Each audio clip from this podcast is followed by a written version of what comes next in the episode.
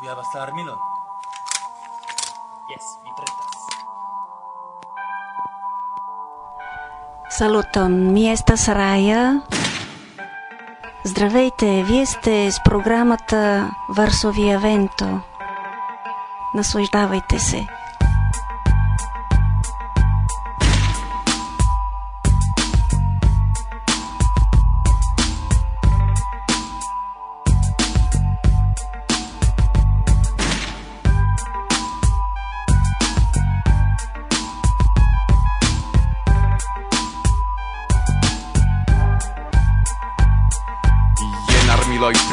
veturi el nigra. Cielo videblas inter statuoi verdi grai. Mia camarado aperas kai avertas mansigne. Nun tempo estas venki au morti digne.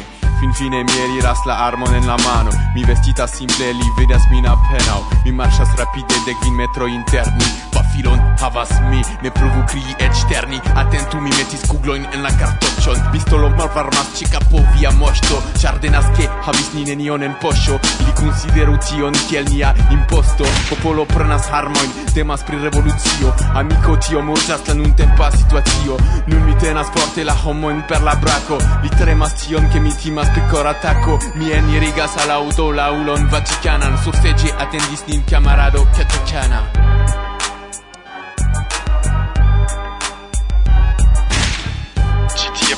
posezdek unu Niko nasiljan si situon. Ili estas ĉeangulu de la komerca strato kaj strato de la trapo Komprenite, mi sendas helpotrupon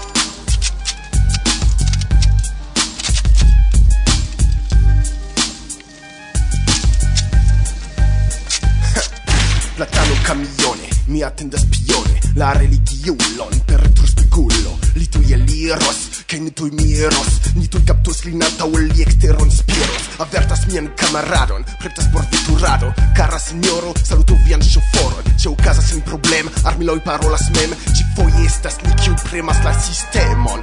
Hoi, patroni ne recte coleras contra vi Sed vi estas ero de detruendai hierarchi Ca se volas preci penton, jen tagau momento. Char vi ne liberos, antau trafas nia peto. Revoluzio, nura afero. Kiu representas veran esperon. Vi creas mizeron por via nura gain. Ni petas liberon, ni estas la unua de mai. La konstruaĵo estas ĉirkaŭita. Ili rifuzas rezigni. Ili petas la liberigon de kvin anarkiistoj. Bone, diru ke vi akceptas. Mi sparos tempo.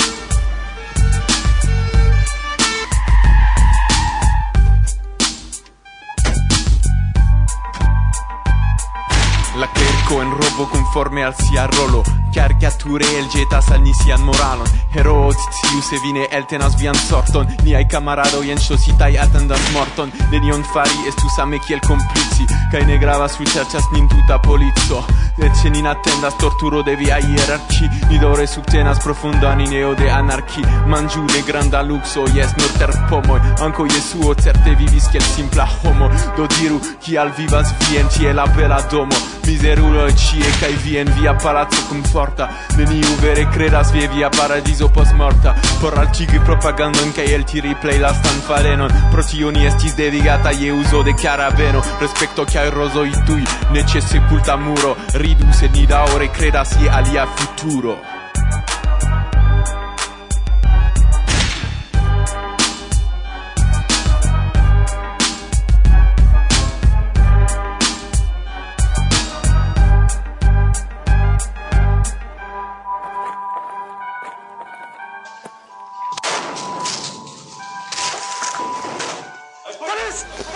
Probable malmultaj aŭdis tiun pecon. Mm, Pafklikĉu? Mm, jes, unu laŭ mie la plej profesie registritaj muzikaj albumoj fek al Esperanto. Direk, ne. Kiu, kiu, kiu, sed vi? Ne, ne, ne, temas pri titolo de kodo. Fek al Esperanto. Jes, kompreneble. Mi memoras, ke kiam mi respondesis pro la junulara programo dum Uko en Bialistoko, mi petis Platanon kaj Katakana do la kantistojn, ke dum koncerto ili forgesu prezenti tiun titolan pecon. Eh, dum Uko mi imagas la reagon de la esperantistero. Do, verdire temas pri scherzo, ĉar canto fec al Esperanto prezentas opinion de la cetera mondo al nia ideo kaj la lingvo internacia mi ne certas ĉu homoj tuj komprenus la mesaĝon dum Muko kaj ĵus ĝin ripetante fek al Esperanto. Pro tio mi petis ĝuste ke ĉiujn pecojn ili rajtas prezenti, sed ne tiun, kvankam verdire ili flamis. Flamuloj. Do jen ilia hip-hopa libera arto. mm. multe da auscultade antau ni. Prezentu ni do pri kio temas, kaj malaperu, por ke niaj geamikoj nenian babiladon sekvu, sed la programon. Bravo, li Marco. do auscultas vi hodiaŭ pri la tridek kvaraj esperantaj tagoj en Krakovo, kiujn inter alie partoprenis ankaŭ vi. Ĉu? Jes. Koncize rakontos pri la evento, tamen ne mi.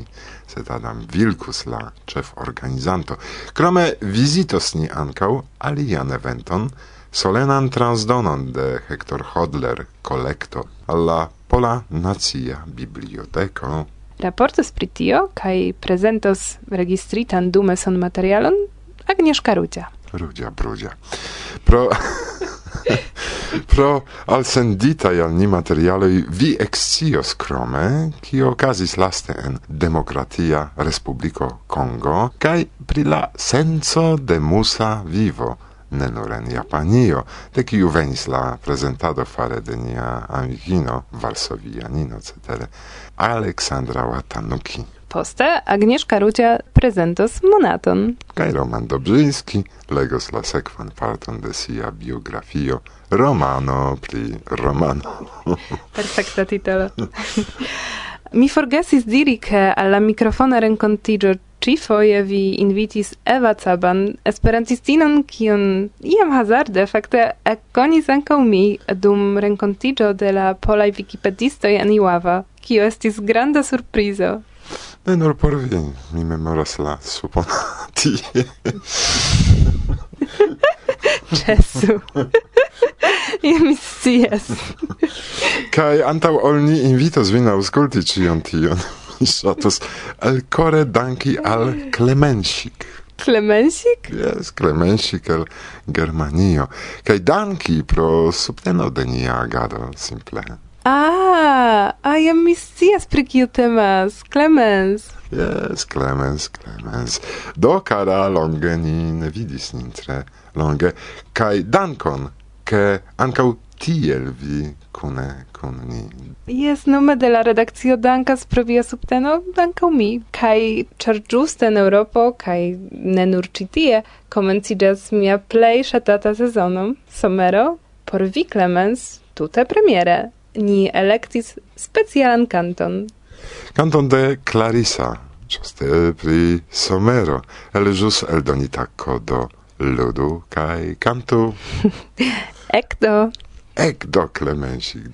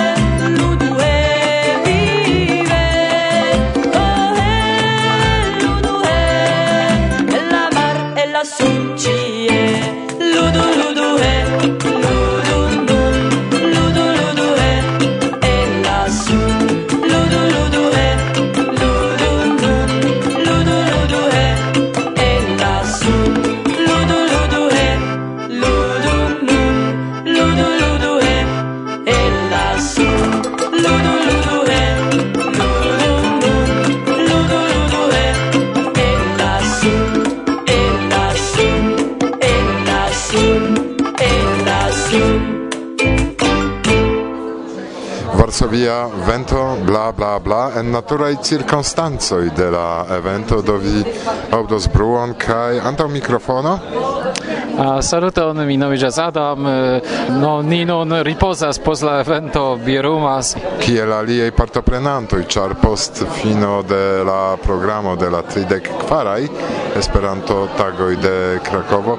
Ni simple ĝuas la noktan vivon de Krakovo. Kelkajn vortojn, ĉar Adam estas organizanto de la evento, unu el la organizantoj, sed sufiĉe kaptita de la organizaj aferoj membro de la teamo. Kion vi povas diri? Ĉar mi vidas, ke vi estas laca. Dankon, no, dankon ke vi prave diris ke tio estas eh, agado de teamo de samideanoj, dankon al kiuj okazis, eh, do mi tre ĝojas, ke pluraj samideanoj laboris pri tio, sed antaŭ ĉio mi ĝojas, ke estis multaj kontribuantoj kaj divers temaj programeroj, plejparte ĉifoje pri naturo, pri mielo, pri herboj, pri birdoj ekzemple, sed ankaŭ pri literaturo, pri poezio, pri arkitekturo, eh, pri neatendita efikoj de medicamentoj, tute diversaj programeroj, eh, tiuj kiuj volis partopreni Sanktan Meson en Esperanto kaj morgaŭ ni ekskursos ankoraŭ al bela kastelo en Novi Viśnicz, proksime en la de Krakovo, la plej malnova salminejo en Bochnia. Do mi povos diri tion nur ke plaĉas al venis partoprenantoj el kvin aŭ ses diversaj landoj kaj ke ni ĝuis divers temaj programeroj espereble tio plaĉis kaj ni povos renkontiĝi denove venon foje. Kaj esperanta tagoj de Krakovo vi akordigis fakte kun granda evento urba tagoj de Krakovo kaj okazas multaj turismaj aferoj nun ekstere do post momento ĉiuj partoprenantoj de la evento iros rigardi drakojn pri kio temas? Jes ĝuste eh, eble ne ĉiuj sed multaj eh, interesiĝas pri tio. Estas dadreveno de la lokigo de la de ricevo de urbo rajtoj de Krakovo kaj pro tio la estraro de la urbo organizas diversaj concertoi, che spettaclon de flugantai i super eh, la rivero eh, ce la Regia Castello, con muziko estas eh, evento, kiu tre placas al multai i ne nur i do ni ancau volas ĝui tion kaj baldau foriras, ĉar baldau komenciĝas. La plej malfacila momento dum la organizado? O, por ni estis nova la red kunveno, char ni ĉifoje decidis eh, eki trinki de nove collaboron kun gemelai urboj. Fakte mi pri tio legis, ke antaŭe iu proponis pri Varsovio verŝajne kunlaboro de gemelai urboj de Varsovio, de aliaj Varsovio, Krakovo, gemelai urboj. ne, ne, gemelai urboj de Varsovio kaj ni havas gemelai urboj de Krakovo kiel Loveno el Belgio, Milano el Italio, Kievo el eh, Ukrainio, eh, Nurembergo el Germanio kaj Budapeŝto el Hungario. Do kelkaj partoprenantoj de Esperanto klubo loĝantoj de tiuj urboj hodiaŭ partoprenis retan kunvenon kaj kundividis kun ni kelkaj informoj. Ni esperas pri pli forta kunlaboro estonte kompreneble. No estis defio ke ne ĉio funkciis unue se temas pri teknikaĵoj, sed ni sukcese kun helpo de aliaj samideanoj lokaj de organizatamo sukcesis solvi kaj ĉiuj ĝuis tiun programeron kaj rigardis belegaj fotoj ekzemple de Kievo kaj aŭskultis tre interesan rakonton rakonton pri la Oveno de tiema Cicerono Ivo eh, el la urbo Loveno en Belgio. Eh, no ankaŭ ni ĝuis eh, tre interesan raporton de samidanino Halina kiu partoprenis antaŭ kelkaj semajnoj fervoistan kongreson en Belgio kaj vizitis multajn urbojn.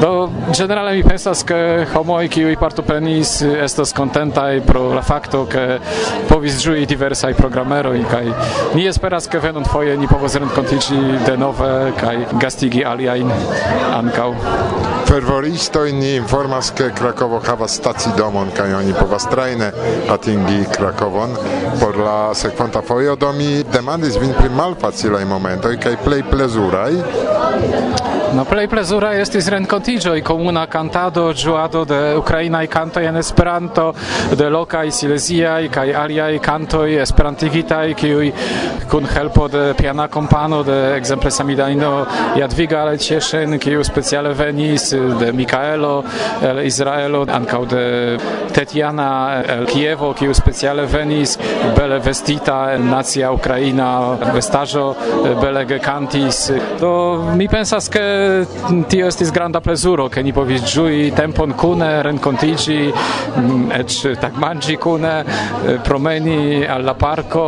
Mm, no, Tetiana estas specialistino pri botaniko, se mi bone scias, ŝi laboras science en Kievo pri en botanika ĝardeno, do ni kun plezuro kune kun aliaj promenis tra la renovigita parko. Estis multaj belaj momentoj, do mia opinie tiu evento partoprenindas kaj mi esperas ĝui gin venon foje kune kun aliaj ankaŭ el aliaj partoj de Polando kaj de aliaj landoj, eble ne nur eŭropaj. Do permesu al mi ne plu turmenti la ĉeforganizanton, kiu estas jam laca kaj bezonas bieron, kompreneble, kaj iomete bedaŭru, ke vi ne povas kune kun ni ĝui la vesperon en tiu bela historia urbo, unu el la plej belaj en Eŭropo, fakte Krakovo, kiu havas multe da tradicioj do ni ĝuas la vesperon. Koran dankon. Do, koran dankon kaj ĝis la revido venon foje.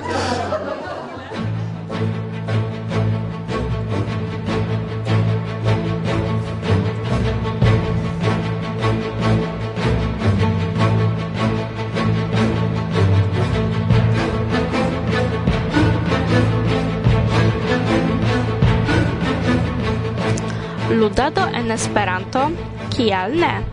En la berlina kafejo Eis Cafe Kibo unu foje dum monato renkontiĝas esperantistoj speciale por pasi tempon kaj amuziĝi ĉe diversaj ludoj.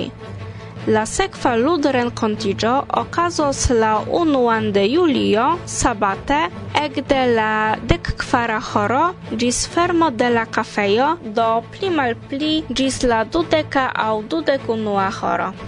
Compreneble la organizantoj petas kunporti proprajn ludoin, se vi havas, sed se vi ne havas, simple venu, ĉar ĉiuj, kiuj shatas ludadi, estas bonvenaj.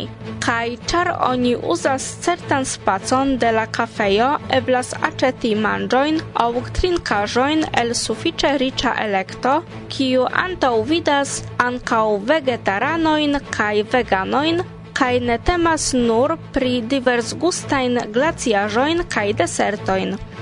Se vi en Germanio do kai hazarde ankau en Berlino kai vi ŝatas kune ludadi, serĉu detalajn informojn en la priskribo. En retejo de Usona Esperantisto la gazeto de Esperantista movado en Usono, oni povas trovi inviton, verki kaj prezenti cent vortaĵojn do rakontojn, en kiu oni povas uzi nur cent vortojn, nek pli, nek malpli. Kelkajn cent vortajn rakontojn eblas jam tralegi, do se vi interesiĝas pri tiu arto, klaku al la konforma ligilo en la priskribo.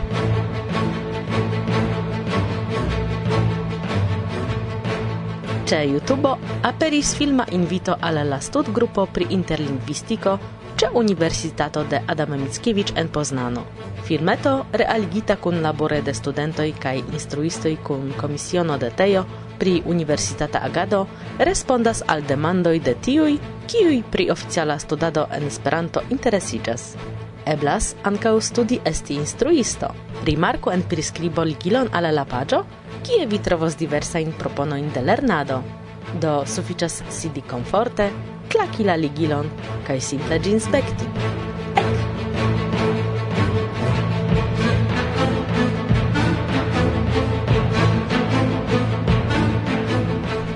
fine de 2002 en unu interreta forumo aperis demando Kiam oni prezentas Esperanton al la grekoj, ofte leviĝas demando, ĉu en ĝia vortprovizo troviĝas la vortoj grekaj kaj kiom ili multas. La respondo al unua parto de la demando estas klare jesa. Oni pensu nur pri kaj. Al la dua parto tamen oni ne povas respondi per simpla nombro eĉ proksimuma. Se vi interesigas pri esploroj en la temo, respondoin vi trovos en la retejo de la Helena Esperanto Asocio. Ligilo al koncerna paĝo kompreneble en la priskribo.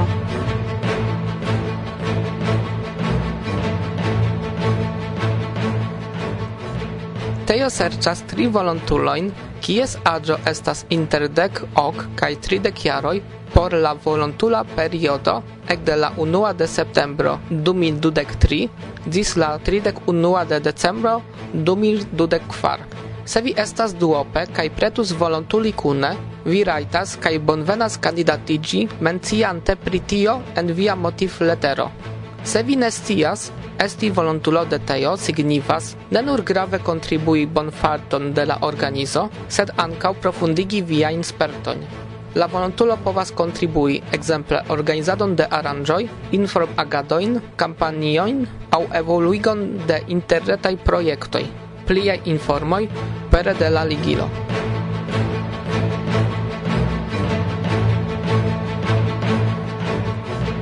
Baldau baldau inter la dek kvina kaj dudek dua de julio okazos la kvindek sepaj baltiaj Esperanto-tagoj pet la plej populara Esperanto-aranĝo en la Baltiaj landoj, kiu havas jam pli ol sesdekjaran historion.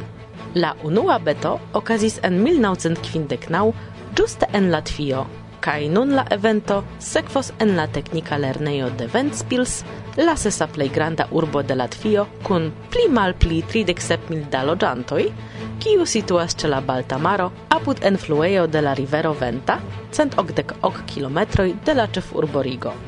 Latvia Esperanto Asocio invitas do partopreni la eventon kaj detalojn vi trovos pere de la ligilo en la priskribo.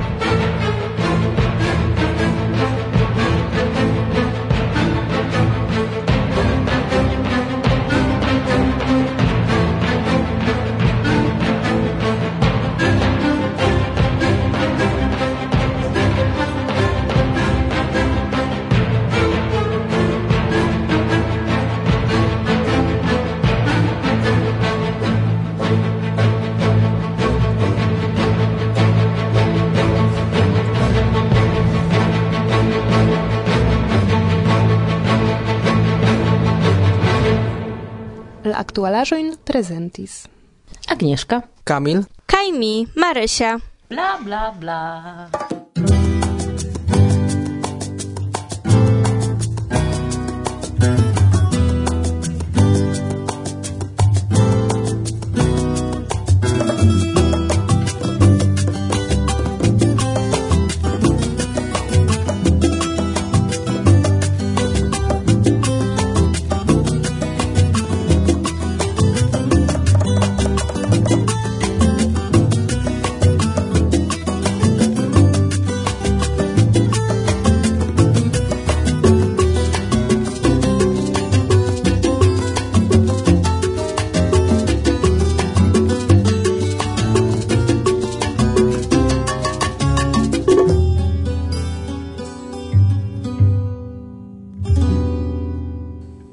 Varsovia vento. Dum la tridec kvaraj esperantaj tagoj de Krakovo mi renkontas unu el la prelegantinoj. Saluton. Saluton. Antaŭ mikrofono de Varsovia vento estas Eva Caban el Silezio. Yes, el Supra Silezio, el Katowice. Kion vi prezentis dum la Esperantaj tagoj de Krakovo? La fako mi estas arkitekto. Do hodiaŭ mi prezentis temon kiu estas kunigata kun mia fako. Do mi prelegis pri altaj konstruaĵoj. Mi komencis de Babelturo kaj finis je Krakovaj ĉiel skrapantoj, promenante tra diversaj landoj, tra diversaj epokoj kaj tra diversaj kulturoj. Sed mi vidis vin ankaŭ en minejo, kiam vi estis cicerono en minejo. Yes, char eh, fakte mi occupigas pri malnovaj konstruaĵoj kaj diversaj malnovaĵoj, do pro tio mi tre ŝatas rakonti pri malnovaj konstruaĵoj, pri interesaj lokoj, gotopo por la auscultanto kiu ne partoprenis vian eh, prelegon kiu estis la plej interesa la vi en la prezentado hodiaŭa eh? eh, mi pensas ke la plej interesa estas vidpunkto lau kiu mi volis prezenti altaj konstruaĵoj, ĉar mi ne volis precize diri pri iu ajn, sed mi volas montri che dum epokoj altai construajoi ofte estis simbolo de ricezzo, de potenco, de regnopovo kaj eh, giuste tiun simbolecon mi volis eh, montri en mia prezentado. Ĉu ankaŭ Dubai, char eh, tio estas miraklo de dezerto, aperis tre moderna urbo. Yes, mi volus paroli pri ciu interesai ciel skrapantoj, do mi devus fari tion dum kelkaj tagoj, mi pensas. Do mi electis tiui kiui estas plei proximai al ni, do mi comencis evidente de antiquai culturoi, poste mi parolis pri usonai ciel skrapantoj, kai poste jam nur pri Europa continento. Palazzo de Scienzo kaj Kulturo en Varsovio. Jes, dum preskaŭ sepdek jaroj ĝi estis la plej alta konstruaĵo en Pollando. Evidente ne dirante pri tiu radia maŝto, jes, kiu falis en 1991 jaro. Kiujn interesajn ankoraŭ konstruaĵojn altajn vi prezentis el Pollando? Mi presentis du konstruaĵojn, kiuj estas tre proksimaj al mia koro, ĉar ili troviĝas en urbo, kie mi loĝas, en Katowice. Nome du konstruaĵoj, kiuj estis starigitaj en konstrumaniero de ŝtala framo. La unua estas domo por profesoroj de teknika mezlernejo, Gi estas nur sepetaĝa, tamen gi estas eh, la unua en Pollando kiu estis starigita laŭ tiu moderna konstrumaniero kai poste ciel scrapanto kai en Katowice la domo ni nomiĝas pole ciel skrapanto kio estis unu el du unuaj ciel skrapantoj en Pollando. Estas ciam malfacile diri al mi kiu estis la unua, ĉu ciel skrapanto en Katowice, ĉu Prudential en Varsovio, ĉar fakte ili estis konstruitaj en preskaŭ la sama tempo kai inĝeniero estis la sama, kiu projektis la konstruskeleton. Estis inĝeniero Stefan Bryła. Do, do mi ne povas diri, kiu estis la unua, ambaŭ estis eh, preskaŭ de la sama tempo. Kaj juste pri tiuj mi parolis. Kaj evidente mi finis je krakovaj ciel skrapantoj, ĉar ni estas en Krakovo, do tiu temo ankaŭ devis aperi en mia prezentado. Kraków ne havas iujn imponajn ciel skrapantojn compare kun aliaj urboj, compare kun Varsovio aŭ Wroclawo aŭ aliaj. Sed bone, ĉar Kraków estas historia urbo kaj fakte mi pensas ke neniu volus ke la historia panoramo de la urbo estus detruita de ciel skrapantoj. Yes?